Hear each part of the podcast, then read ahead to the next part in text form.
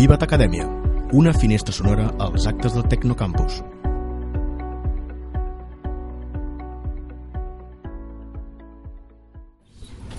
Bueno, un any més hem tornat a arribar al 8 de març. No? El 8 de març és eh, quan afloreixen, eh, és el Dia Internacional de les Dones, i és quan afloreixen totes aquestes situacions que fa que les dones ens sentim especialment, o que prenem consciència no, també eh, de les desigualtats que vivim en el nostre entorn.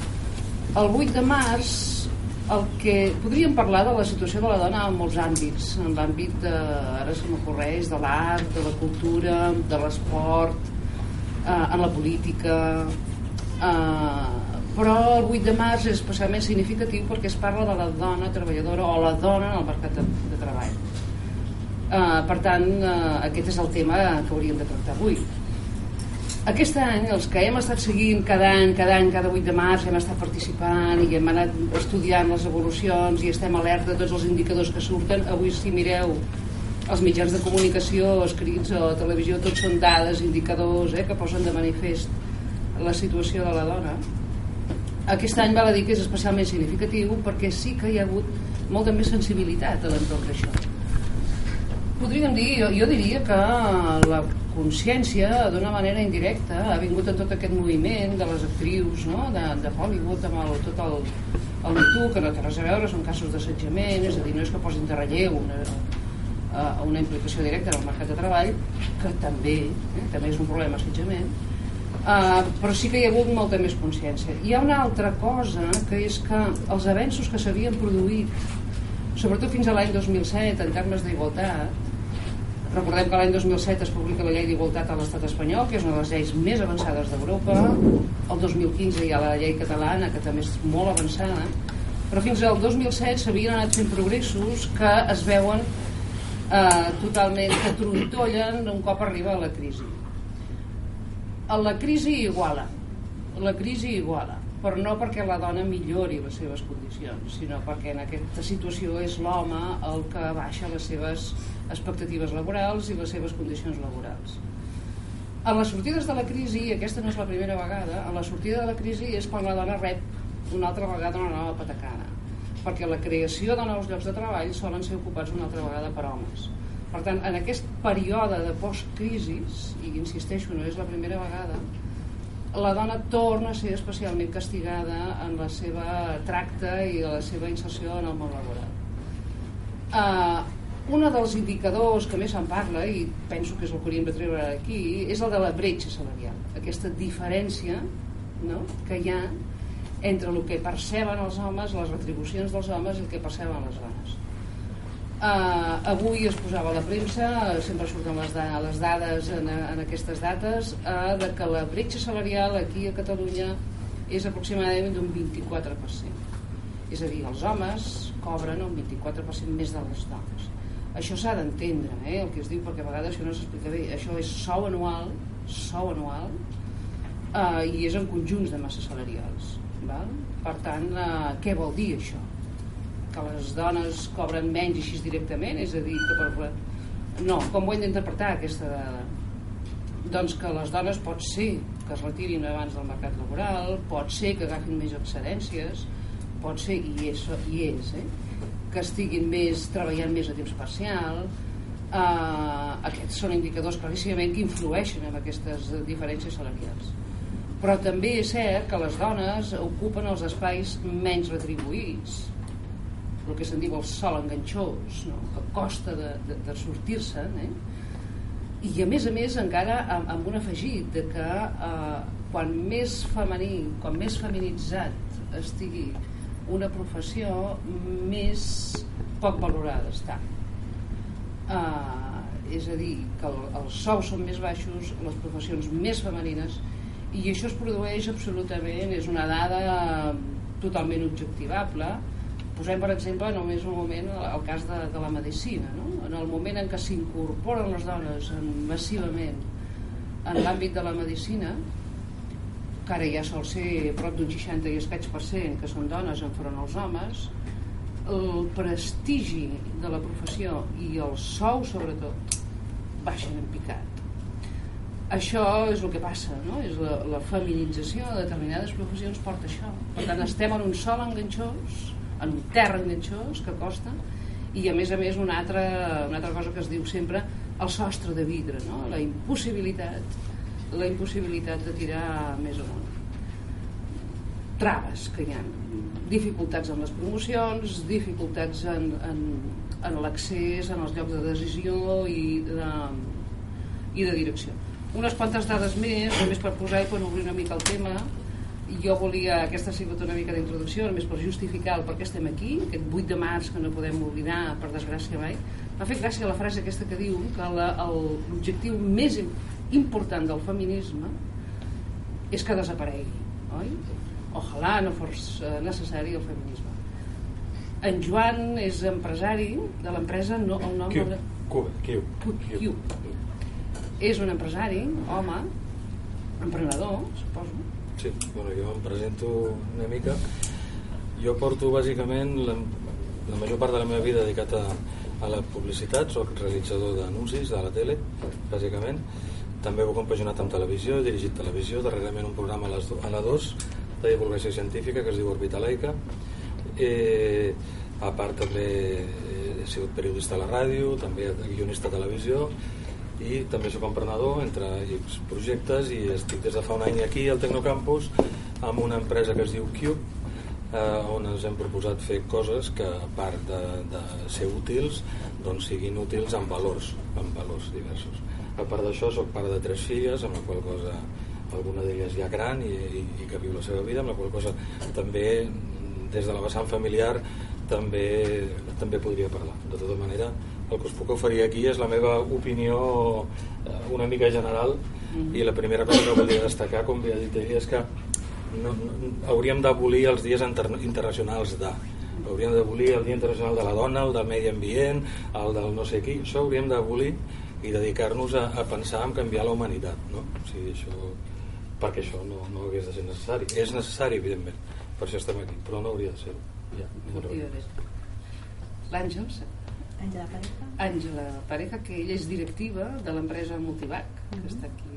Sí, jo estic en el Tecnocampus des d'abril del 2016 amb una empresa multinacional alemana que es diu Multivac i bueno, tota la vida hem estat eh, no se oye que tengo un tono un poco bajo perdón. Eh, bueno, jo tota la vida he estat relacionada amb el món de l'empresa eh, des de l'inici als meus estudis jo sempre he tingut molt clar pues, que volia estar en, en el món empresarial.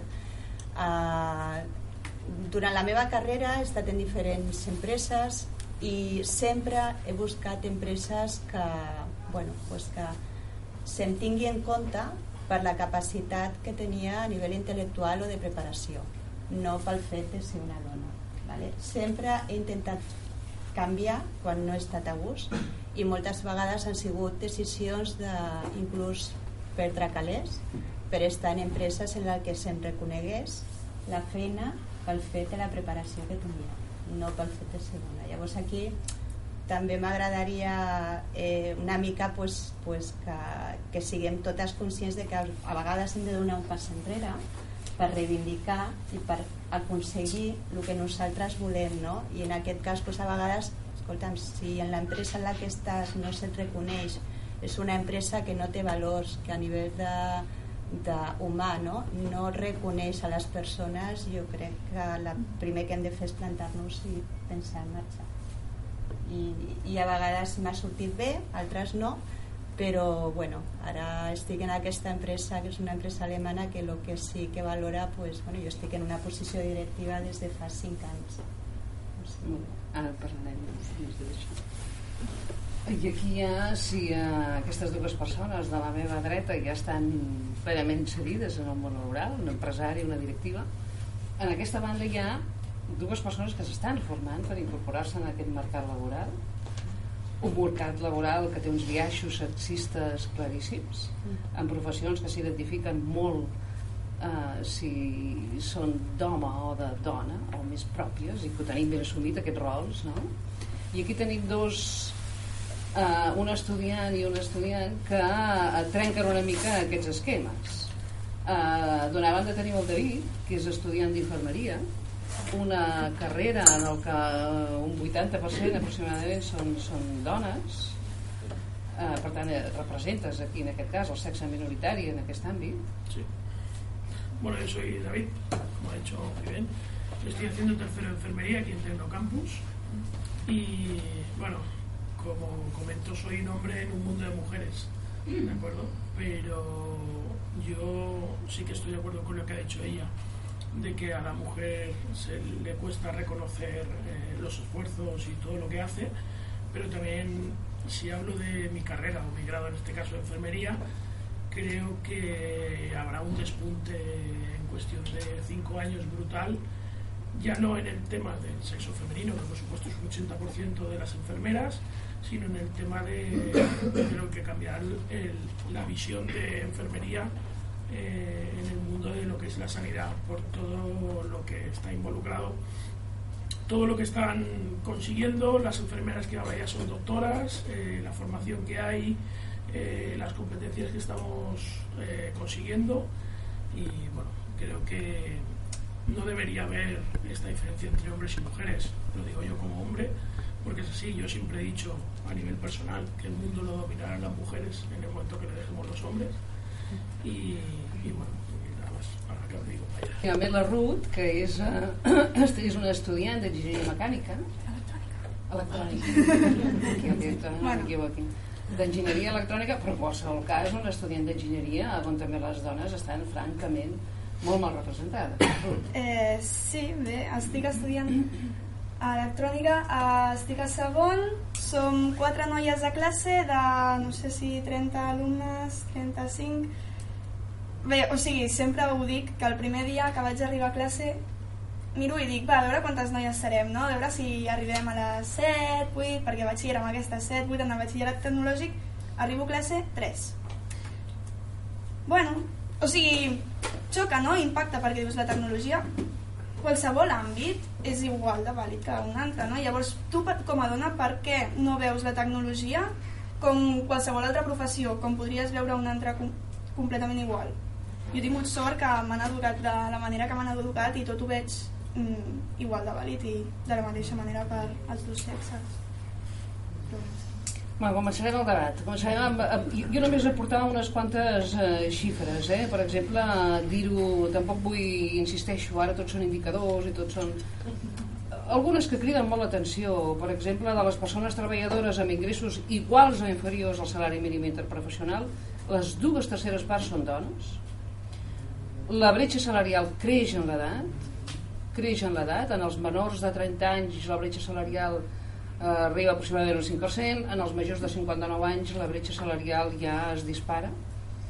Eh, la bretxa salarial, això és interessant, no es produeix tant en els salaris base, sinó a tot el que són els complements, els premis, les primes, els eh, incentius. Val? És aquí on realment es produeix aquestes diferències salarials d'una manera important. Això és, és importantíssim perquè aquí és on tendim a fer un viatge clarament sexista a l'hora de valorar les professions. Allà on hi ha més dones, allà on hi ha més dones, i això passa, tendim a otorgar menys valor en la feina que fan i per tant menys els complements eh, són més baixos en aquells serveis, unitats on hi ha majoritàriament homes tendim, es tendeix a donar més valor a la feina. O més eh, importància no? com si tingués més importància. Per tant alerta en tota aquesta política de, de, de complements una cosa que també està claríssima és que les empreses inverteixen menys en formació en les dones que en els homes i per sectors d'activitats, ho dic que com a directora jo no m'he presentat, però suposo que coneix tothom no ho sé, de Tecnocampus. Sí, oi? jo sóc la directora de l'Escola de Ciències Socials i de l'Empresa d'aquí Tecnocampus. Per sectors d'activitats el sector d'activitats financeres i assegurances que es diu així, és aquest sector és on es produeix una major bretxa salarial. Amb la qual eh, eh, bueno, Uh, què passa, només un moment, què passa si comparem no ja en termes de massa salarials globals, sinó que entrem a comparar amb feines similars? És a dir, per la mateixa feina es cobra igual? I no, estudis fets demostren aquesta granada que surt avui que aquí la bretxa salarial arriba a un 13%. És a dir, no és el fet de que la dona treballi menys o té unes excedències o es demani més eh, no treballi tant al llarg de l'any perquè totes aquestes eh, condicions sinó que també en feines similars. La dona en aquests moments està cobrant un 13% menys. I, aquesta, i això no depèn ni de l'edat ni de l'educació. La dona va molt més formada que l'home al mercat laboral només una dada ràpida. El 56% dels graduats i graduades són graduades. El 62% dels màsters són dones. I el 51% dels doctorats són dones per tant, el nivell de formació nostra és més elevat eh, que accedeixen al mercat laboral. Per tant, no depèn ni de l'edat ni de l'educació, ni de l'antiguitat ni de la, del contracte ni de l'ocupació, ni de la jornada i ni de l'activitat ni de la vida de l'empresa. Per tant, si totes aquestes variables no influeixen, podem arribar a, a, a concloure que efectivament la variable sexe és la que té més influència o la que més influeix en aquesta bretxa salarial. Uh, jo no diria res més. Una dada també interessant, sobretot les que són directives, és que entre directius i gerents les dones cobren un 12,2% menys que els homes Um, ja no dono més dades, només he llançat aquestes quantes, n'hi ha moltes per sectors d'activitat, per tot, etc. i jo ja no apunto res més. Jo la primera pregunta que faria és uh, realment vosaltres en els respectius llocs on esteu, estudiants, empresaris, uh, directius, la percepció hi és aquesta o és una percepció que només apareix el 8 de març com una cosa allò que baixa del calendari com el dia de Nadal? o és una cosa que realment es viu dia a dia?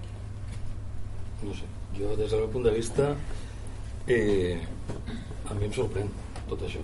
És a dir, no, no entenc tots aquests indicadors i, i no entenc a on hauríem d'arribar per, per trobar aquest punt de vista que defineix que hi ha una discriminació per sexe. Jo en el meu entorn, el meu personal jo he vist molt tipus de sexisme de moltes menes. És a dir, a nivell publicitari que us tinc que dir? Te'n vas a comprar un col·lagen a la farmàcia que porta un tant per cent d'àcido hialurònico i diuen que és per dones i és rosa l'envase. Sí. jo he estat en reunions que jo des del meu punt de vista de, de, del senyor que retrata la història dic, bueno, però i aquesta promoció l'enviareu a mi que també sóc pare. Bueno, no, és que això és per les mares. Dic, bueno, i és que les mares d'ara i les mares d'abans i, i la meva àvia que també era mare era un tipus de mare i ara com és la mare? I jo que sóc pare per què no puc rebre aquesta promoció que vosaltres fareu?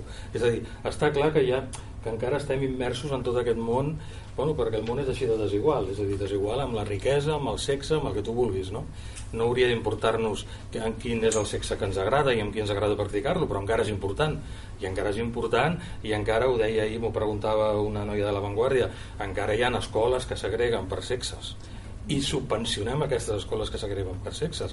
Jo, que quan anava al col·le anés als salesians que anaven nens, ho puc entendre perquè era fa 40 anys, però avui en dia que s'agreguin per sexes i el que és encara més greu, que els professors d'aquests nens o nenes també siguin d'un sexe determinat, m'indica que no acabarem mai amb el problema. perquè Si suposem que aquestes persones acabaran prenent una posició, una posició de lideratge i hauran de discriminar i hauran de prendre decisions aquestes persones que han estat formades d'aquesta manera seguiran pensant que hi ha una supremacia de l'home respecte a la dona i seguiran tenint una desigualtat no? llavors és, és, és, estem enmig d'un debat tan absolutament eh, demencial com deia el Xavier Salim Martín aquest matí eh, deia, deia esclar eh, estem arribant a un punt en el que hem, què hem de fer?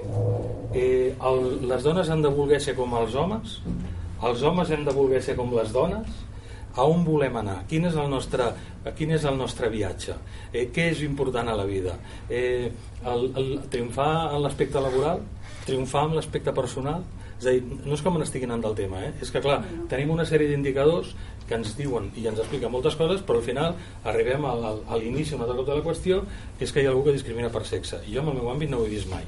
Jo mai he contractat una persona i he tingut en compte el seu sexe. És més, moltes vegades i no m'agrada la paraula jo he fet discriminació positiva. És a dir, si és dona l'he discriminat perquè i l'he preferit perquè és dona enfront a un altre noi que potser era igual o millor que la dona que tampoc m'agrada. Però bueno, suposo que des del meu punt de vista com a pare jo penso en les meves filles que també tenen un món laboral per davant i penso, home, potser d'aquesta manera contribueixo. No hauria de ser, no haurien discriminar per sexe.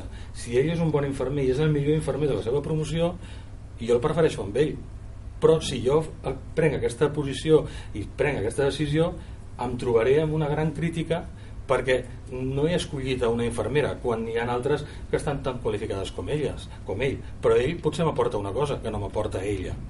Però bueno, com corregim això? Com arribem a, a solucionar aquest tema? Home, no ho sé, si des d'aquí podem treure una mica de llum pues, eh, no sé, ella que està en una gran empresa per exemple, igual es pot parlar molt bé de, de si ella cobra igual que el seu company que té el mateix, la mateixa posició no sé. nosaltres tenim política d'igualtat i, i és el que he dit o sigui, al final jo he decidit on vull estar però m'he trobat de tot a la vida o sigui, m'he trobat en empreses pues, que per exemple ser dos persones no un grup, eh? dos eh, home i dona els dos amb la mateixa carrera amb la mateixa formació participant en un projecte sis mesos i arribar al bonus i el cobra més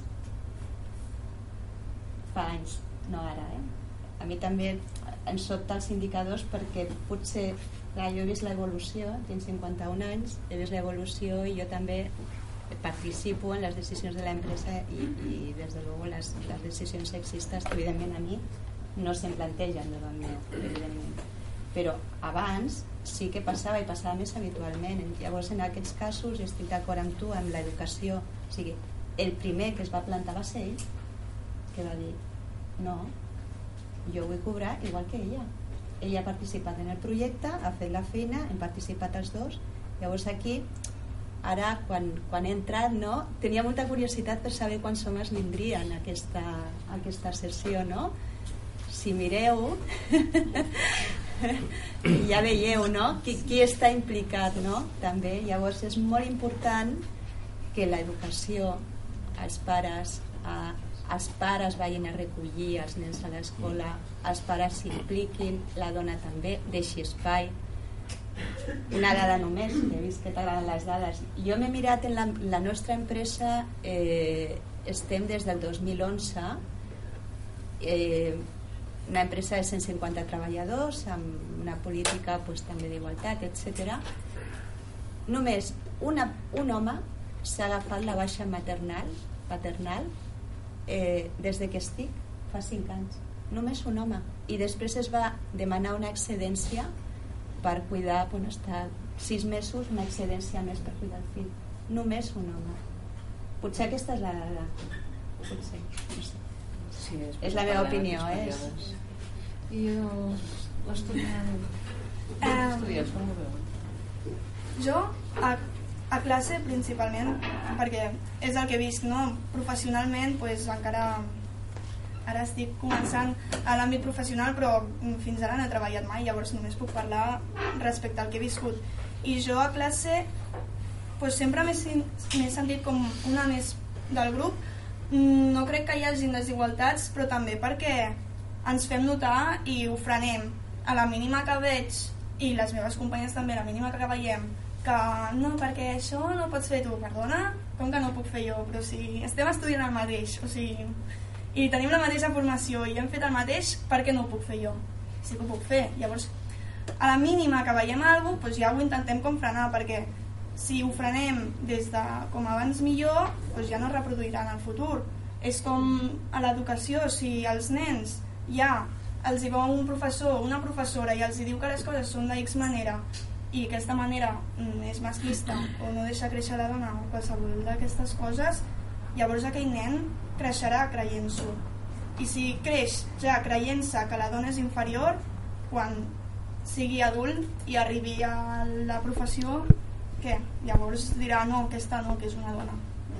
No sirve para nada. És dona, però no. Estamos igual de qualificades. Però no, jo classe... Me'n vaig, eh? a classe sempre estic sempre m'he sentit bé i això amb les companyes ho parlem a vegades i estem bé no sé bé.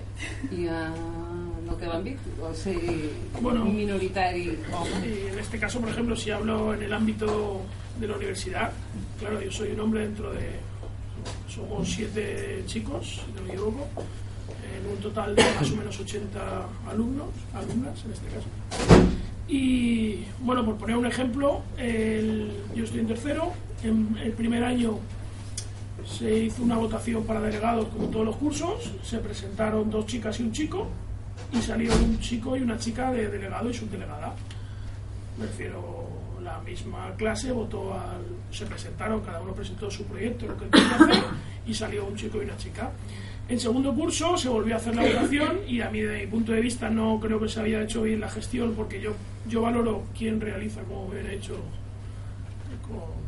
Joan, Joan. Joan, eh, valoro al final el trabajo bien hecho, que tenga las capacidades para hacerlo. Desde mi punto de vista no se había realizado una buena gestión como delegado por ciertas cosas, o los delegados. Entonces, cuando se votó, se volvió a presentar. eh, una chica desapareció porque dejó la carrera, entonces quedaba un hueco libre. Y una compañera dijo: Yo me quiero presentar, nos presentamos. Y dije: Yo sí digo porque hay cosas que no. Volvimos a presentarnos tres personas y volvieron a votar. En este caso, yo soy el delegado de, de segundo y a mi compañera que se presentó y el chico que estaba salió. O sea que no, yo no veo una discriminación de mujeres sobre hombres en mi curso, todo lo contrario. Es decir, se ha valorado quién ha hecho, yo estoy en tercero, se volvió a votar, no se volvió a presentar nadie y, bueno, y sigo siendo delegado. Que es, es un puesto de responsabilidad dentro de lo que es la clase porque se realizan muchas funciones. Con respecto a mis periodos de prácticas que, he hecho, el 98%, bueno, 100, miento, el 100% de las enfermeras con las que he estado han sido mujeres y mi experiencia ha sido buenísima. Nunca he tenido un trato desfavorable por ser hombre. Entonces, mm, no puedo decir que el hombre ha estado, o sea, que el hombre está mal dentro de, en este caso, mi futura profesión. También trabajo en una residencia de discapacitados en la cual llevo seis años y el porcentaje es exactamente igual. Si hay 100 auxiliares, 98 son mujeres y 2 son hombres, y lo mismo.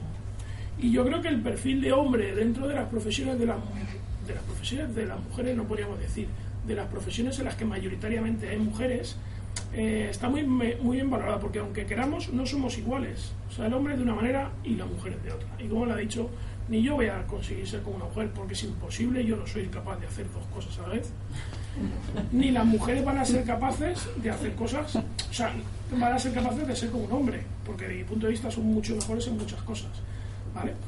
Entonces, eh, yo pienso que habría que haber una buena base del principio en la escuela, lo primero, y luego un gobierno que sea responsable, o sea, que sea responsable en el sentido de que no permita ciertas cosas en las empresas, lo primero en las suyas, las públicas, que de mi punto de vista no lo hay, es en el sentido, cuando digo no lo hay, es decir, si yo soy enfermero o hay una enfermera, creo que cobraremos exactamente lo mismo, no creo que haya una discriminación de sexos en los salarios a día de hoy, en depende de qué profesiones, ¿vale? Eh, lo que sí que estoy de acuerdo con ella es que el problema es que los trabajos que realizan las mujeres son los que peor sueldo tienen. Sin desprestigiar el mundo de la- del personal de limpieza, mi pareja es supervisora en una empresa de limpieza y sé cómo funciona y es, bueno, los salarios son eh, muy malos en ese sentido. Entonces, claro, esa brecha salarial por ahí es por donde más rompe. Pero yo no creo que haya tanta, desde mi punto de vista, sin tener tantos datos como a lo mejor puede, puede ella argumentar, no creo que haya tanta diferencia salarial. Me refiero, yo voy a cobrar lo mismo como enfermero que mi compañera como enfermera, desde mi punto de vista. O sea, luego cada uno, dentro de un organigrama público, debería, o sea, público, de uno, debería ser equitativo. Para eso el gobierno es el que debería marcar una serie de leyes y una serie de normas. El gobierno que diga, no, es que no se puede hacer esto, o si lo hace será por X motivos de o formación o experiencia que sean justificables. A veure, des de l'any de l'any 80 eh, és eh, il·legal i perseguible si es demostra que la dona cobra menys que l'home per una mateixa feina en una mateixa empresa. Per tant, eh, això eh, és una il·legalitat, ja. Eh?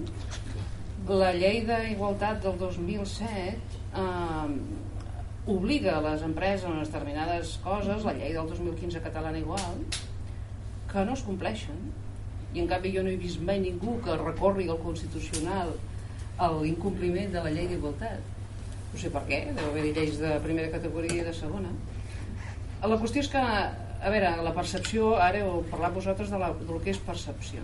L'altra cosa és la constatació, que realment hi és. Aquestes dades no són tretes de la, de la invenció. A més a més, els informes que hi ha són molt complets, de sindicats, el Consell de Comissions Obreres és una, un informe completíssim sobre la bretxa salarial. Per tant, les dades hi són. El, jo ara demanaria què, què, què es pot fer? Aquí ha sortit...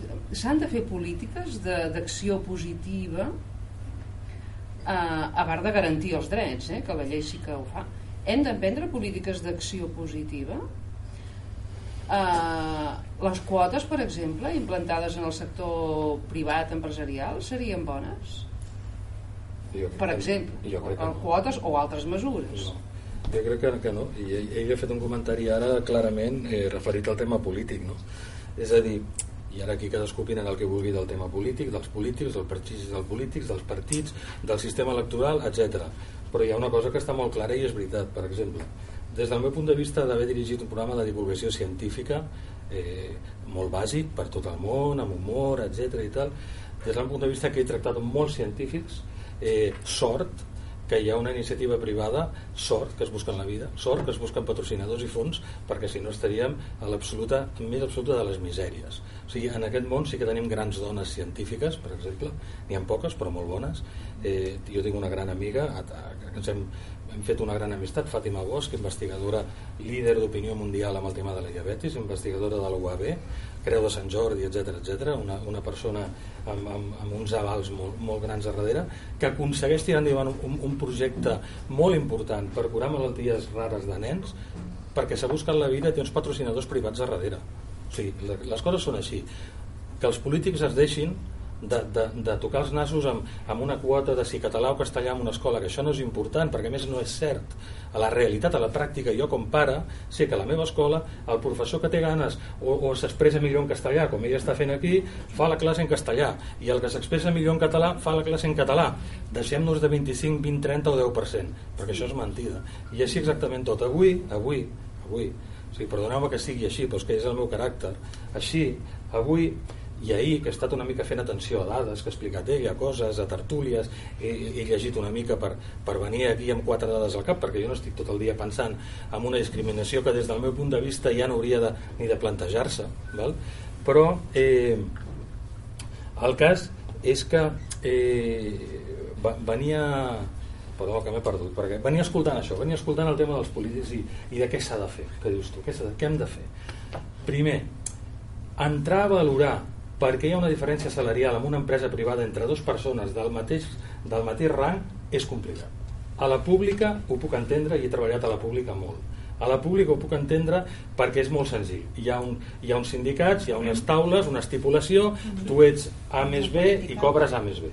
Però a la privada, a la privada, jo puc tenir una dona i un home que són equiparables exactament igual amb la mateixa posició però que ell o ella, no ell, i ell o ella, un dels dos, qualsevol, i més igual, perquè jo no crec amb, el, amb la diferència de sexes, m'aporti més que l'altre. I jo, jo, que ningú m'ha de dir que té que cobrar ningú a la meva empresa, jo puc decidir que ell cobra més, perquè té un, un plus determinat pel que sigui, pel que sigui. La, la cosa més subjectiva del món, la que vulguis, que crec que ha de cobrar més. O al revés, o pot ser ella, o pot ser ella, això anirà en funció del criteri de, perquè estem parlant de l'empresa privada aquest matí sentia, torno per, perquè si no m'aniré sentia que hi ha algun partit que ja ha dit que potser haurien de posar algun tipus de, de projecte o promoure una llei per penalitzar eh, un moment, o sigui, de, de, de què estem parlant? Preocupem-nos del que és important. No, no, no comencem a ser proteccionistes i a manipular i a, i a cobrar i a multar. No, no, un moment, un moment un moment, perquè les dades, com tu has dit, són molt relatives. Jo, jo, jo, jo, en el meu entorn, des de fa moltíssims anys que he estat amb una pila d'iniciatives, mai ni ho he vist tampoc, ni ho puc constatar, la gent tampoc va explicar el que cobra pel món, però amb la meva experiència sempre he trobat amb dones amb càrrecs de responsabilitat i mai ningú m'ha comentat que tingui un problema d'aquest estil. Que existeix? És clar que existeix. Hi ha empresaris delinqüents evidentment, però aquest senyor que el tractin com un delinqüent però quan, quan, quan ja des del punt de vista polític ens estem plantejant això perdona, des del meu punt de vista el que han de fer els polítics és promoure una educació laica deixar de subvencionar coses que no s'han de subvencionar amb els diners de tots preocupar-se de desterrar el, el, el gènere de la societat. És, jo vinc de pagès, és abonar la terra.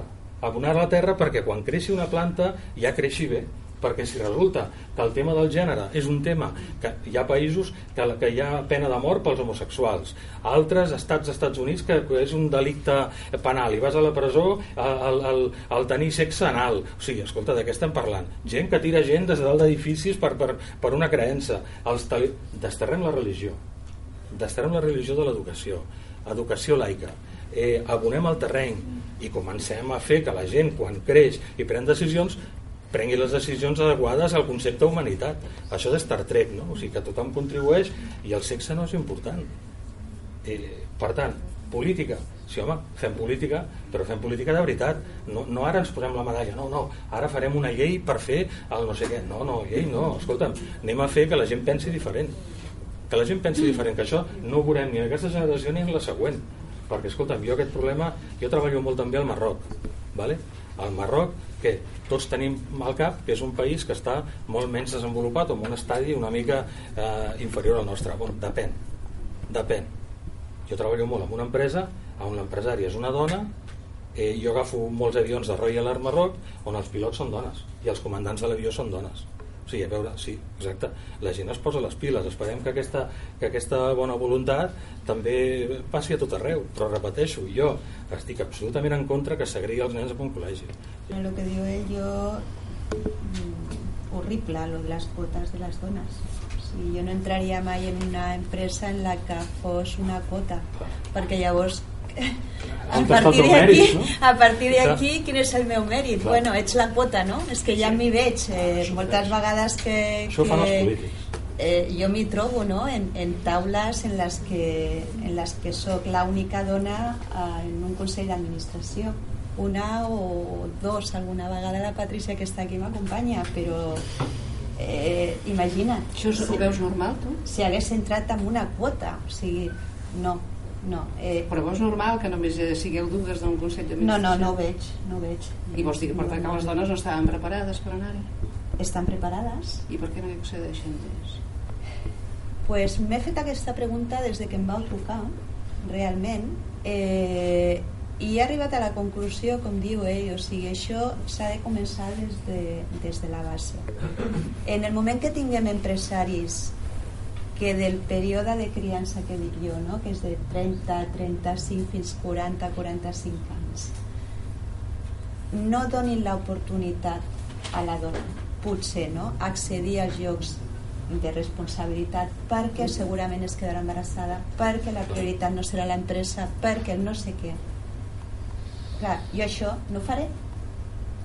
Llavors, és una cadena. Potser hem de canviar no? l'educació des de baix perquè aquest període, que potser jo ho he posat al principi, ha de ser un període també compartit per l'home no és normal la baixa paternal ara això ho hem no sé, jo, jo hi crec molt en la generació jove jo els comentava que tenim el programa de becaris i els veig i, i, i veig la llum jo la veig jo sé que hi haurà canvis. De fet des de, des de que jo vaig començar en el món de l'empresa fins ara pues, ha canviat moltíssim. Però tot té un procés i encara pues, eh, queda, queda un, un temps i queda que pugin ells per canviar-ho Home, ells són un exemple clar sí, perquè justament clar. tenim uns rols sí. amb el tema de rols sí. tenim un infermer i tenim sí, una enginyera electrònica són minoritaris, eh? Sí. En les respectives som, estudis. Són, minori, clar, són minoritaris i seguiran sent-ho fins que tot això no, no li donem no una... Però tot ho hem de canviar. Jo crec que tot s'ha de canviar des del principi. O sigui, si, si només per començar mirem els professors que hi ha aquí, tots els professors, a excepció de dos o tres, són homes. Mm, per què tinc tants professors i tan poques professores? Que no m'estic ficant en contra del centre Mirre, eh? Ai, ai, ai. No, no, no. Però realment hi ha molt poques professores. Si des de l'escola ja veus professores de matemàtiques, no professors, perquè jo la gran majoria eren professors. Mm, professores de tecnologia, no professors de tecnologia. No sé, sempre des de petits, perquè ja venia com des d'endarrere, portem molts anys, molts anys en què els homes sempre han fet unes coses i les dones unes altres, i crec que hem de començar a canviar com ens veuen els més petits, quins rols veuen els més petits perquè vegin que tot ho poden fer. Clar. Saps? Tu com a, com a noi veus, ah mira, com que tots els meus professors estan fent això i totes les meves professores estan fent això i jo sóc nen, jo he de fer el que fan els meus professors. Que no ho estaran pensant, però el seu subconscient sí que ho pensa i sí que hi arriba aquell, aquest punt. No sé si m'estic explicant. Sí, sí, sí, sí, sí, sí, que tu dius del centre, no? sí que és veritat. Per exemple, una pregunta que ja no ho sé, desconec. Eh? Hi ha una guarderia al Tecnocampus? Ho desconec. Hi ha, algú sap? No, no, no. Hi, ha, no hi ha guarderia. Per tant, per tant, de les coses que hem de fer i de les coses, decisions que s'han de prendre, la primera, número 1, és que la dona, la dona que bi- biològicament i perquè és mare i perquè té unes altra, una altra relació amb els fills, per molt que els pares vulguem, per molt que vulguem, els pares hi ha un tema eh, que és la natura. Llavors la dona té un tipus de relació. Què podem fer? Des de casa, evidentment, ajudar a que la dona pugui realitzar-se en l'àmbit professional, però sí que tots aquests polítics i grans centres i grans inversions i grans empreses es podrien preocupar, com passa ja a molts llocs, de donar facilitats perquè algunes dones que també volen ser mares, però clar, si no ens trobarem en un món en el que les dones que vulguin prosperar no podran ser mares. I tu deies, només hi ha hagut una persona que ha aplicat el tema de la baixa paternal. Saps per què? anys. Saps per què? Perquè tenen por. Estic segur. Estic segur que no ho demanen perquè tenen por. Home, és que si ara demano la baixa paternal eh, puc posar en risc la meva feina. És un cas, jo m'he mirat, eh, perquè clar, Clar. és curiositat, no? Perquè dic, és un cas en el que la dona és eh, una dona directiva. Veus? Clar. Canvi de rol. Dona directiva. Clar.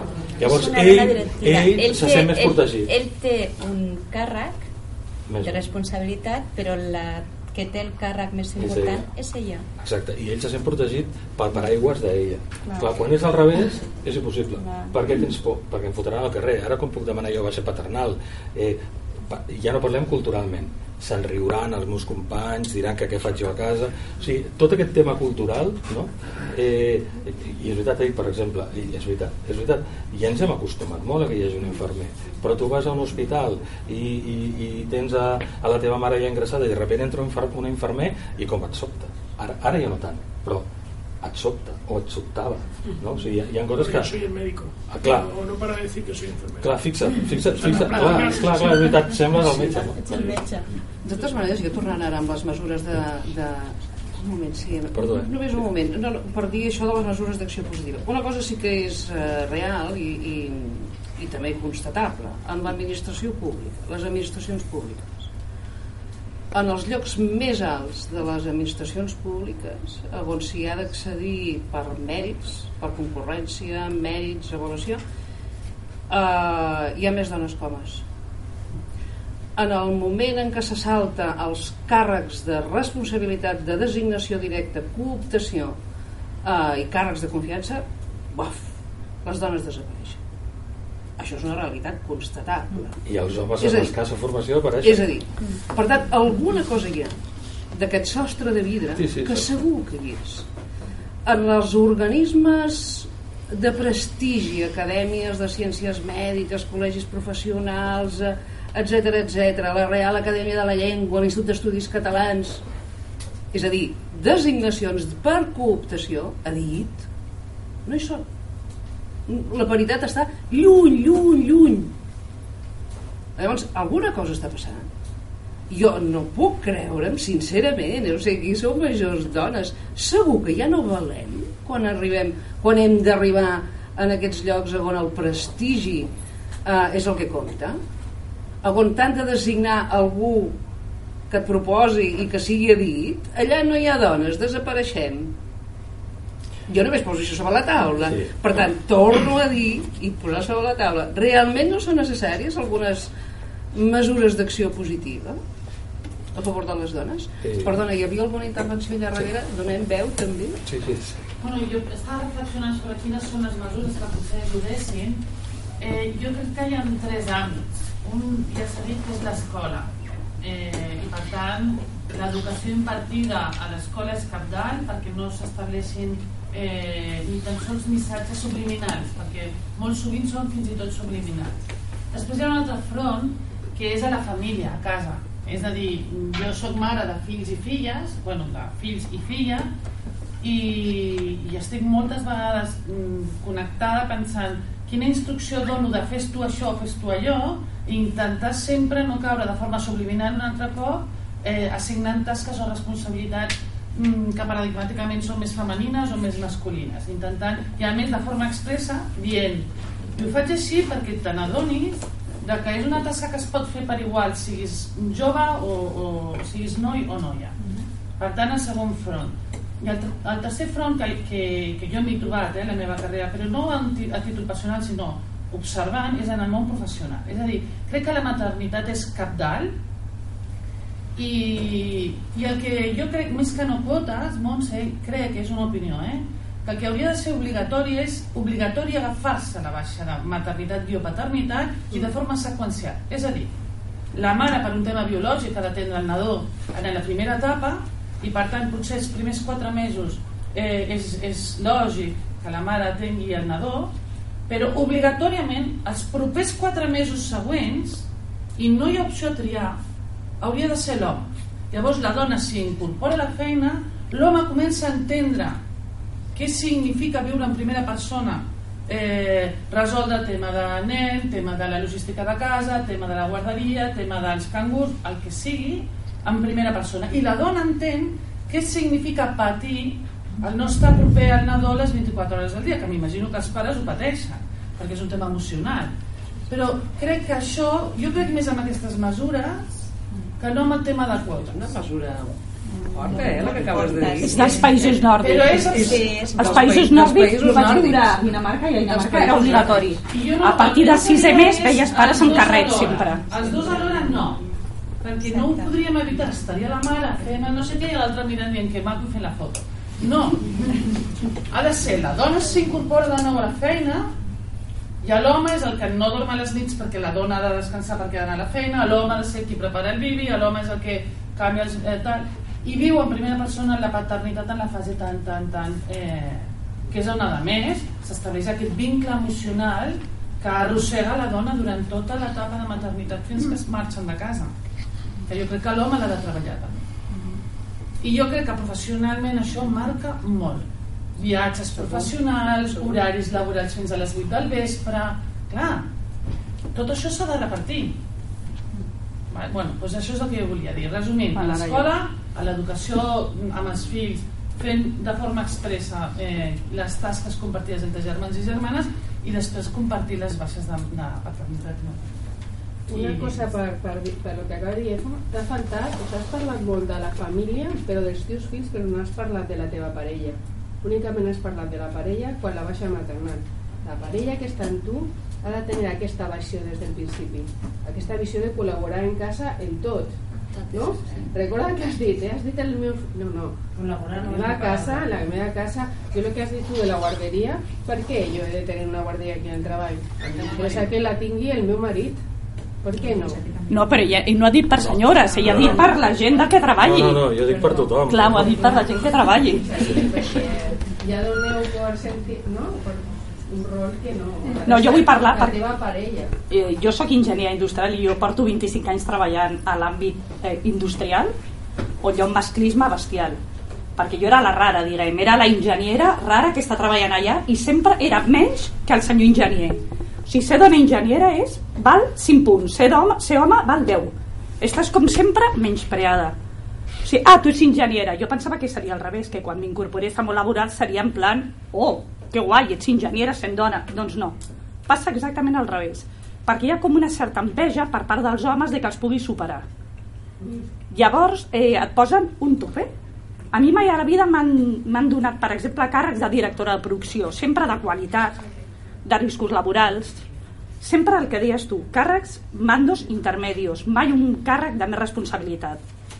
He tingut molt males experiències per exemple, la meva primera empresa vaig dir que estava, eh, que estava embarassada el segon dia em fotien al carrer tal qual, embarassada 3 mesos. Directe, eh? directe, per què? perquè una enginyera que està en planta no pot treballar estant embarassada, falso. He treballat sempre fins l'últim dia o sigui, he tingut dos fills més i fins l'últim dia he estat treballant doncs sempre pensen automàticament que una dona si està embarassada no pot treballar fins l'últim dia Aviam, hi ha molta gent que no també hi ha moltes dones que tenen molta jeta en aquest cas, eh? Hi ha molta gent que s'agafa la baixa maternitat als 5 mesos estan perfectes, s'ho també prenen com plantejar- vacances. també No, no és una malaltia estar embarassada, no, no, eh? no, Ah. Exacte, Sí, sí. però tu, com a dona, has de... O sigui... Però vull dir, és culpa de les dones. També has de mirar aquest punt. No facis una cosa... Tu estàs lluitant per, un, per aconseguir una cosa. No facis, no facis actes que vagin en contra d'aquesta causa Clar. per la que estàs lluitant. Pues és el que t'estic dient, que molta gent se n'aprofita de la seva situació, està embarassada, i s'ho prenen com vacances. Des del cinquè mes es posen de compres a fer l'habitació. No, no és un, un embaràs, et trobes bé si et trobes bé, o sigui, vull dir, no és una malaltia, hi ha gent que lamentablement ha d'estar de baixa 8 mesos, 9 mesos, però hi ha gent que pot treballar fins al l'últim dia. O sigui, és així. I jo cre estic totalment d'acord amb ella. Les baixes de maternitat haurien de ser obligatòries per homes i per dones. Però obligatòries, castigades qui no la prengui. Perquè inclús m'estic trobant moltes dones que no la fan. Perquè tenen por perquè la seva feina l'amenacen, eh? I clar, has d'anar a judici, però en, aquesta, en aquest país tots sabem la justícia com és de lenta. Clar, és que és molt fort. Clar, jo, jo vaig guanyar el judici quan em van fotre al carrer per estar embarassada, òbviament, el vaig guanyar. Però, però tu no saps embarassada el que pateixes, eh, quan et passa això. Per tant, doncs, a part de les mesures que ens apuntava la Emma d'acció positiva i, i directa, aquestes són directíssimes, però en definitiva estem parlant d'una reforma de l'estructura Sí. del mercat laboral. Totalment. Que, que molta gent està apuntant cap aquí, no? en lloc de mesures directes, per què no modifiquem aquesta estructura? Fem uns horaris que tenen sentit. Són lògics, els horaris que fem? No. uh, arreu d'Europa vosaltres sabeu que l'estat espanyol és el, el, el, absolutament diferent de la resta de països no? i que a les 5 de la tarda a, a, Europa s'ha acabat uh, i allà no trobes a ningú en canvi aquí a l'estat espanyol doncs, uh, truca un empresari a l'hora del migdia i tothom és a dinar o a les dues no? i a més els, peri- el, les estones, és a dir hi ha qüestions d'horaris, hi ha qüestions estructurals com les baixes maternals eh, dels embarassos, què passa en el món de la ciència, per exemple, eh, o la universitat, amb les, aquesta pèrdua d'aquests períodes de, de la dona que està atenent a, a, a fills que acaba de tenir. Són hàndicaps eh, importants, eh? jo no sé com ho viviu, sí que és veritat que hi ha comissions, tu deies ojalà hagués de desaparèixer tot, és veritat, però hi ha comissions que són molt actives, com la Comissió Dona i Ciència, a l'estat espanyol, o aquí a Catalunya també, eh, que bueno, han proposat coses i s'està millorant molt, eh? Sí. Perquè si mirem la cara enrere, és a dir, eh, perquè a més a més al, al món de la ciència, per exemple, la- l'etapa reproductiva de la dona coincideix amb l'etapa de major producció científica. I en algunes disciplines és capdalt aquesta etapa. Hi ha disciplines que no, que a partir dels 50 es, es pot ser tan productiu com als 30, n'hi ha d'altres que no. I això passa. Per tant, s'ha de tenir en compte és a dir, la dona realment ha d'acabar triant una que estigui en aquests àmbits? Realment ha d'acabar triant? Home, s'haurien de posar els mecanismes perquè, perquè per poder conciliar la vida personal i la vida laboral però fer un, un, un gran pacte ah, parlem d'empresa, fixa't bé com, com enfoca ella? I té tota la raó perquè eh, he parlat amb, amb, tinc amics arquitectes i quan una dona arquitecta fa una visita d'obra i està tots els paletes allà és l'hòstia perquè, perquè tots són comentaris, risses, no sé què i tal. Llavors anem, parlem de, de que sempre anem a parar al final de l'educació. Però sí que és veritat que amb el tema d'empresa aquest gran pacte que s'hauria de fer d'empresa s'hauria de fer partint de la base que l'empresa un, hi ha molts tipus d'empresa eh? Tenim l'empresa pública, tenim les empreses grans multinacionals amb milers d'empleats on no existeix la persona sinó que és un empleat. I després tenim la petita i mitjana empresa on els empleats comencen a ser més persones que empleats. Llavors potser hauríem de, de fer una gran reforma eh, pensant amb l'ésser humà i amb la seva relació amb la feina i no tant amb l'empresa. Perquè si no sempre, sempre, sempre ens acabarem tro trobant, per exemple, no tots els empresaris són delinqüents i no tots volen tenir el seu profit d'explotar de, de, les persones i ens trobem que hi haurà petites o mitjanes empreses amb grans projectes que requereixen una gran implicació i que és més la suma de l'esforç de tots aquell projecte que els veuran limitats per, per culpa d'unes decisions polítiques i d'unes lleis que van molt bé a l'hora de eh, posar en ordre a una gran empresa però que una petita o mitjana empresa li van a la contra. Per tant mm, hauríem de posar per sobre de l'empresa hauríem de posar les persones el fet de ser humà el fet de voler tenir fills el fet d'equilibrar els rols i el fet, repeteixo, i sóc molt pesat, amb desterrar la paraula sexe. Amb qui te'n vas al llit, eh, si ets dona o ets home, què t'agrada, és a dir, tot això, tot aquest, tot aquest tema subjectiu l'hauríem de desterrar. I llavors arribaríem potser en un moment en què diríem, bueno, jo com persona que tinc aquests drets, jo, a més a més, una altra cosa, jo també estic fart que em posin normes. No vagis per aquí perquè pots caure, no vagis per allà perquè... No, jo vull decidir. I si jo vull treballar? I si, I si ella i jo decidim que, que em quedo jo tot el temps que faci falta cuidar el fill perquè ella té la necessitat d'anar amb aquell projecte que realment li omple per què algú la té que obligar amb ella a quedar-se a casa saps? és a dir, sempre ja sé, ja sé que i sé que hem de, de, de, bueno, hem de sacrificar coses per obtenir-ne unes altres i hem de fer això que estem, aquí, que estem fent avui aquí que és molt important i, i em fa molta il·lusió doncs, jo poder expressar una opinió de, jo que no sóc ningú com, soc com, com tots els que esteu a l'altra banda en aquest moment però penso que la reforma profunda seria posar-nos a treballar en pensar i que sigui la persona l'eix de tot no l'empresa, l'escola, la família no, no, la persona és l'eix de tot què volem com a societat? una societat de grans triomfadors professionals o volem una societat sí que és veritat, si treballes fora d'Espanya te n'adones que a Europa a, a les 5 de la tarda ja han tancat totes les botigues a les 7 han sopat, tenen temps d'estar a casa amb els nens, no sé què, etc. i ja en aquest sentit estan un pas més endavant no tothom, perquè també treballo amb gent a fora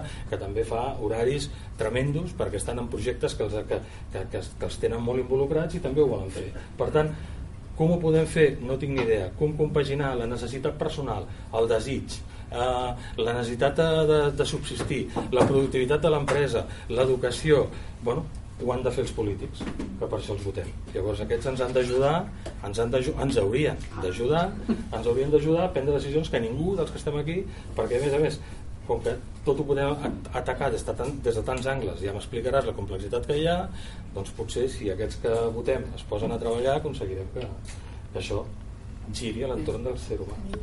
És veritat, no, no pots fer una norma per totes les empreses, perquè hi ha milions de variables que has de tenir en compte. ¿vale? Jo us explico l'experiència que vam tenir nosaltres. Nosaltres vam aprofitar que ens veníem al, al Tecnocampus i ens veníem bueno, pues en un lloc no, tecnològicament, un ambient universitari, per fer alguns canvis. Nosaltres no teníem la jornada flexible, hi havia un requeriment de la gent humana de l'empresa i va ser complicat perquè fèiem un horari super estricte de planta de producció, nosaltres aquí som la part comercial, eh, era complicat. Mm, jo vaig presentar, vam, no jo, equip, no? vam presentar estudis, vam dir, escolta, que això conciliar tindrem a la gent més feliç, perquè aquí l'indicador és la felicitat de la gent que treballa amb tu. Eh, vam posar, vam fer una prova eh, van fer l'horari flexible de que poguessin entrar, abans entraven sempre a les 9 i tenien dues hores per dinar que jo sempre deia que són dues hores mortes perquè això avui en dia ja no, no. I llavors pues, sortia, no me'n recordo a quina hora 6, 7 de la tarda. Llavors van, van fer l'horari flexible de 7 a 9 que es va promoure des de dins de l'empresa per les necessitats i els requeriments de, de la plantilla i de, i de bueno, pues, lògicament de la gent que, que està frustrada, que necessita contractar una persona que li porti els nens a l'escola, que després estan dues hores allà i que després a la tarda han de contractar una altra perquè és que això era absurd. Llavors, tenint en compte això, vam dir, bueno, doncs fem el flexible de 7 a 9 del, del, del matí perquè entrin. Al migdia que tinguessin de mitja hora, que és el mínim legal, fins dues hores, i després per la tarda, doncs ja està no, que no habrà nadie, que per la tarda ens quedarem sense ningú, què tal? Clar, quan vam posar això en marxa algú va dir home, és que a mi no em va bé, m'aniria molt bé entre les 9 i mitja perquè jo deixo els nens a les 9 vale, ok, doncs vinga, pues a les 9 i mitja vam fer. Què passa? Pues que hem tingut la sort en els departaments que ho hem pogut fer si no hem marcat eh, rotacions tot és possible. Si vols, sempre dic tot és possible i d'una forma natural la gent s'ha organitzat i resulta que on abans no teníem ningú a les 7 ara tenim gent a les 7 tenim gent de les 7 fins les 6, 7 de la tarda. Per què? Perquè la gent s'ha organitzat d'una manera, s'han posat, mm, fan rotacions, s'ho organitzen i la gent ara pot compaginar, està super feliç eh, m'agrada a mi m'agrada molt especialment pues, quan venen no? pues, al desembre que venen l'actuació dels pastorets dels nens. Pues, lògicament la gent que et ve a demanar, escolta, que el nen que avui, que no sé què, que tal tenim una bossa d'hores perquè s'ho puguin estructurar. Això si a la gent tu ets humà i tu tractes a la gent de forma bona en l'empresa, el retorn que tens independentment de que sigui dona o home independentment, és altíssim altíssim i nosaltres al final tenim projectes en les que hem d'estar corrent no les 8 hores, moltes vegades hi ha picos i jo no tinc que dir res. Hi ha excepcions, sempre hi ha excepcions però és allò que dius. Però la gent s'implica. s'implica. Llavors és això, no? que al final has de tractar la gent de forma humana i, i, i el que deia la Carme Carme no, la Emma, la Emma. Ui, el que planteges, eh? Això és un... Home.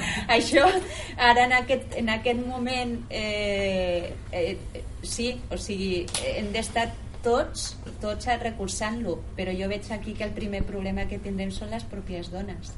Ahí está. Yo Són quería- les pròpies dones que no, no voldran perdre's uh, d'una forma egoista o no, eh? no ho sé, jo, no, jo això no, no parlo, però Fixa't que dit 4 mesos de dona, que és el que té ara, i consecutivament 4 mesos d'home. jo no sé si estem preparats encara. Potser si arreglem, si arreglem, Sí, dic que no... països nòrdics sempre va més Països avançats, han nòrdics sí, països nòrdics, però dic fan des de fa anys i funciona perfectament i ho tenen assumit les empreses No, no, per, per l'entorn en el que estem, o sigui, pel, pel tema cultural, que potser no estem suficientment madurs, que si traiéssim aquesta norma, jo crec que serien les primeres... llatins són més Les diferents. primeres serien les dones les que dirien jo no me quiero perder, no? Els sis, no? Els sis mesos. Escolta'm una cosa. clar, fan Ja, ja, quatre sí, mesos jo, elles eh, Emma, que jo estic d'acord amb tu, que no dic això, dic, dic sí, que jo estic d'acord amb tu, però dic que no sé si ara estem preparats amb això, no? D'avançar. I jo m'agradaria... Escolta, ja fa, fa una hora que estem, que estem, que estem aquí, m'acabo de dir, a mi ha passat molt de pressa, però ara sí que hauríem de donar. Per tant, jo m'agradaria fer una pregunta al, als, al, al noi i noia estudiant que tenim aquí. A les universitats sí que ens hem preocupat molt de com eh, poder atreure a més noies a les carreres d'enginyeria i a la UPC n'ha estat líder en diferents programes per atreure la dona a l'estudi de les enginyeries i jo sempre he pensat de que en canvi no s'ha fet mai cap eh, programa home per atreure nois en les carreres dites més assistencials, eh? les d'educació, les vinculades a la sanitat. I jo, a mi se m'ha sorprès, perquè penso, bueno, està molt bé que, que, que la universitat, el món, intenti atreure dones en els àmbits de les enginyeries, perquè estic totalment d'acord que no hi ha d'haver-hi. Uh, però en canvi no s'han adreçat. Jo no he vist mai cap programa que ha adreçat a nois perquè eh, que considero absolutament igual, amb la igualtat de condicions i capaços per poder exercir aquestes professions. Com rebeu aquests programes? Caldrien més programes d'aquest tipus? Caldrien programes d'aquest tipus que t'estic assenyalant en els estudis, en aquestes vinculats a carreres a professions més assistencials? Vos, tu et vas conèixer programes d'aquest tipus i, i, i t'han servit d'alguna cosa? Jo conèixer programes no, perquè tor torno a el que ha dit abans l'Emma que des de casa també s'ha de fer una gran feina. Jo des de casa meva, doncs el meu pare sempre ha cuinat, mm, ma mare era la que estava 12 hores fora de casa, no, la veig, no li veia el pèl a ma mare, però sempre estava el meu pare treballant, mm, clar, o sigui, tot el que eh, tots els rols de gènere que tothom veu, jo a casa meva no els he vist. I a mi, pues, papa, és que m'agraden més els cotxes que no pas les nines. Doncs pues té un cotxe, saps? O sigui, no era... A casa meva, pues, com que ja se m'ha facilitat ser enginyera, que m'agradi la tecnologia. Potser també perquè els meus pares venen de la branca que venen i venen de les ciències, són matemàtics. I eh, pues, també han potenciat, no? Pues, si li agrada això, pues, que ho faci endavant, que no hi ha cap problema.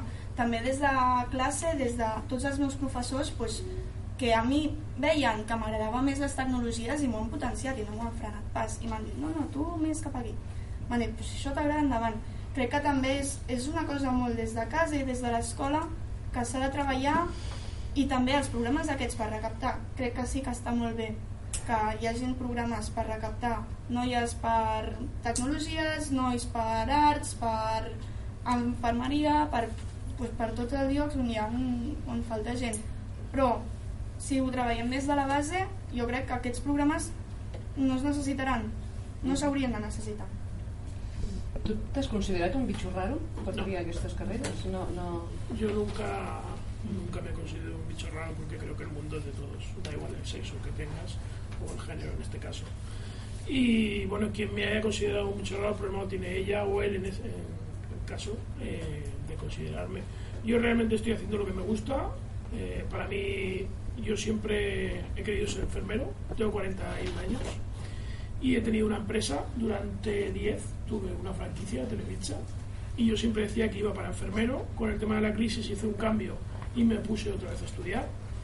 Eh, yo he tenido hasta 80 empleados, me daba igual el sexo, he tenido repartidoras cuando los de las motos eran los chicos y he tenido cambiado. A mí quien me trabajaba era quien tenía un puesto de trabajo.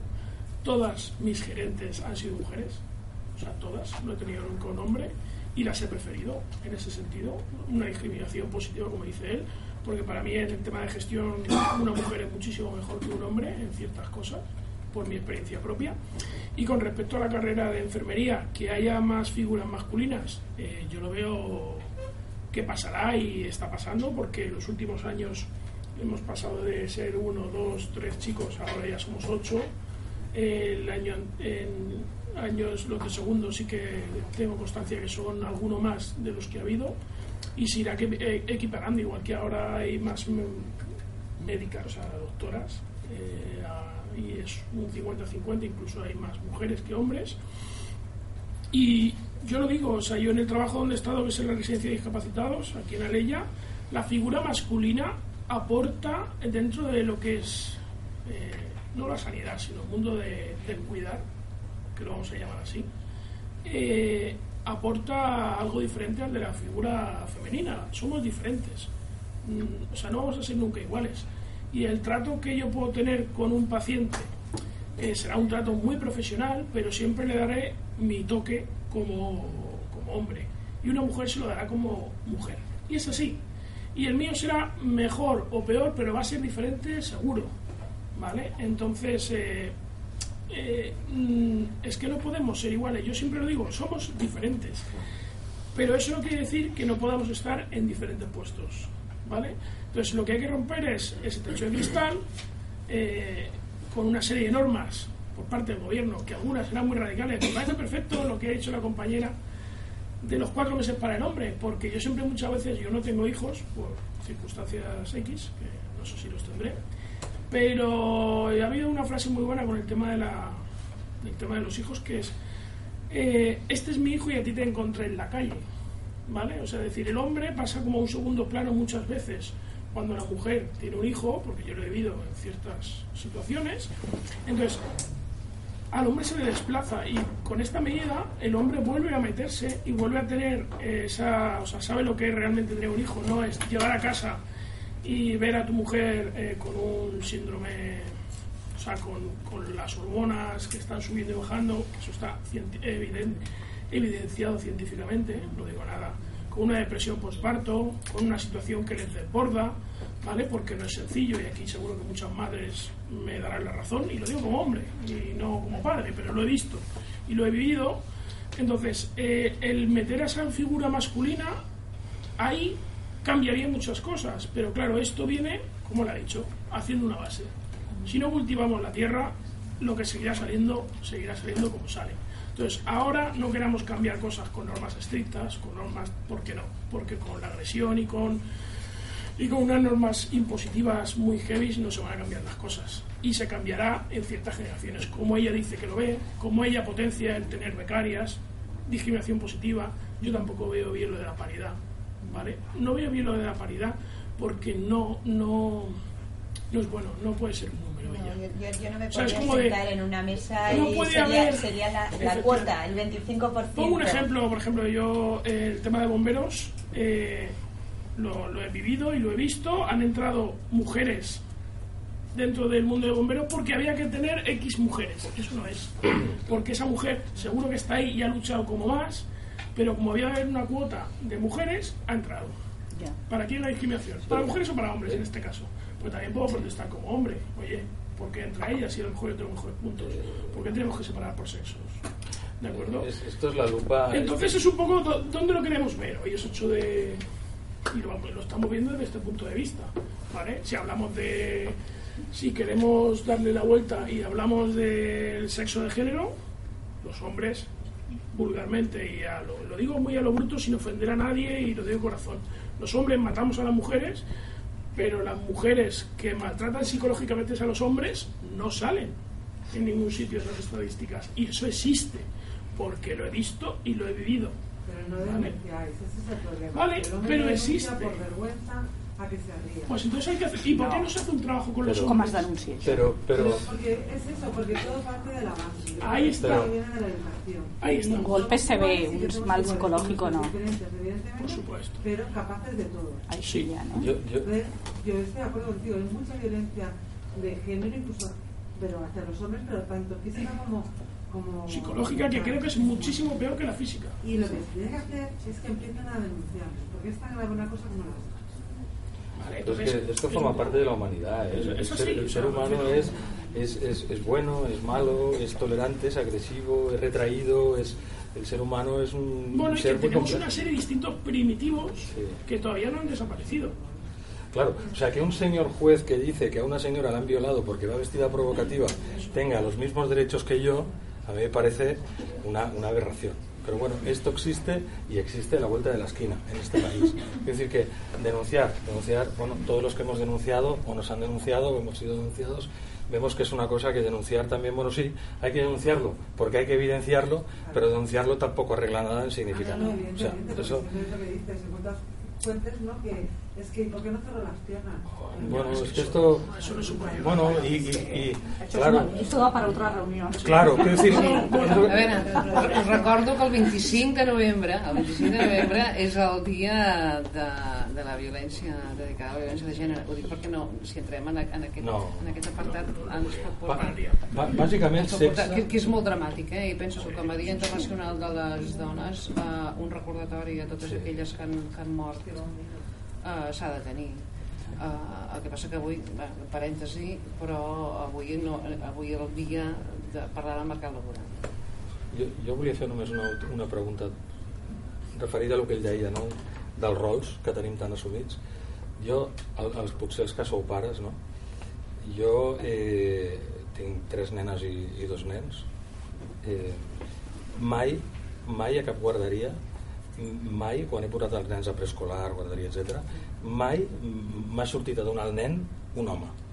Ni mai m'he trobat un, una, un professor ni a, ni a les primeres classes de primària normalment Ah, no, jo sí. bueno, doncs, i a la guarderia algú? algú ha tingut aquesta experiència? que sortin a portar-te el nen així un, un noi que el porta? no, A la veritat guarderia no, però a primària i a però, part guarderia, per, i per què no? però per què no la guarderia? no, no, ja, ja, però per què no?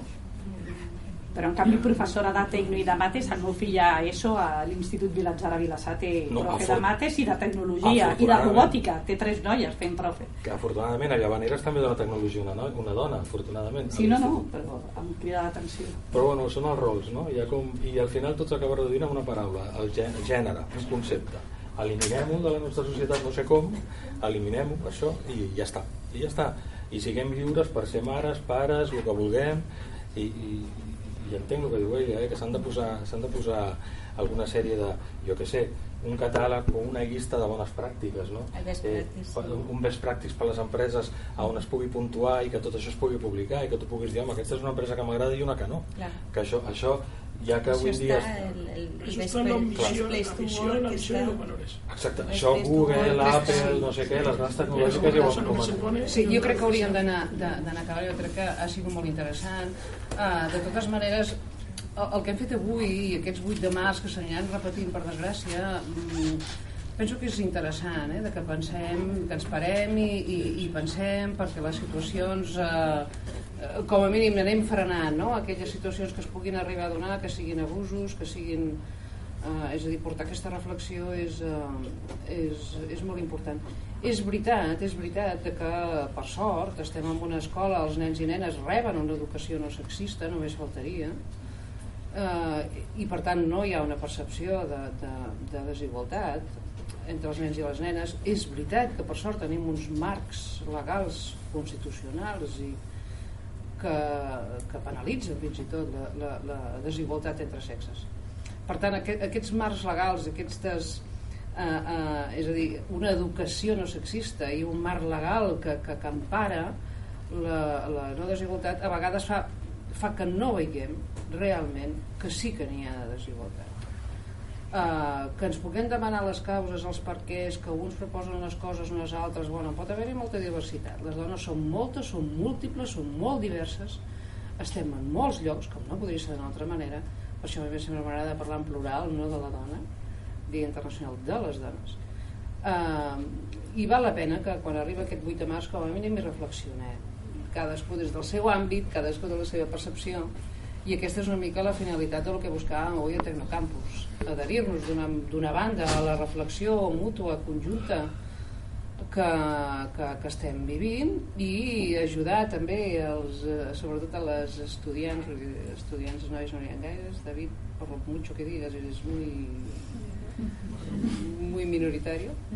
A, a, a, bueno, a, a que participin, de que hi hagi debat, de que hi hagi reflexió, eh? perquè com que la percepció no hi és, uh, com a mínim que de tant en tant ens aturem oi? i pensem i, i debatim i a veure com evoluciona tot això jo ens hem allargat força us agraeixo moltíssim tot i que jo he passat volant eh? però bueno, podríem anar continuant però uh, us agraeixo moltíssim la vostra participació de veritat. Gràcies al director general que l'hem tingut aquí no l'hem saludat abans.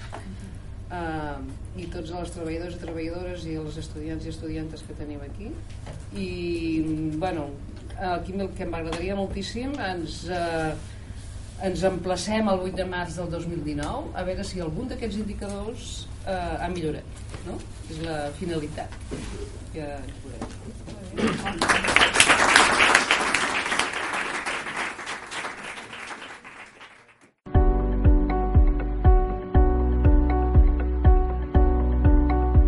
Has escoltat Viva't Acadèmia, emissió dels actes institucionals del Tecnocampus.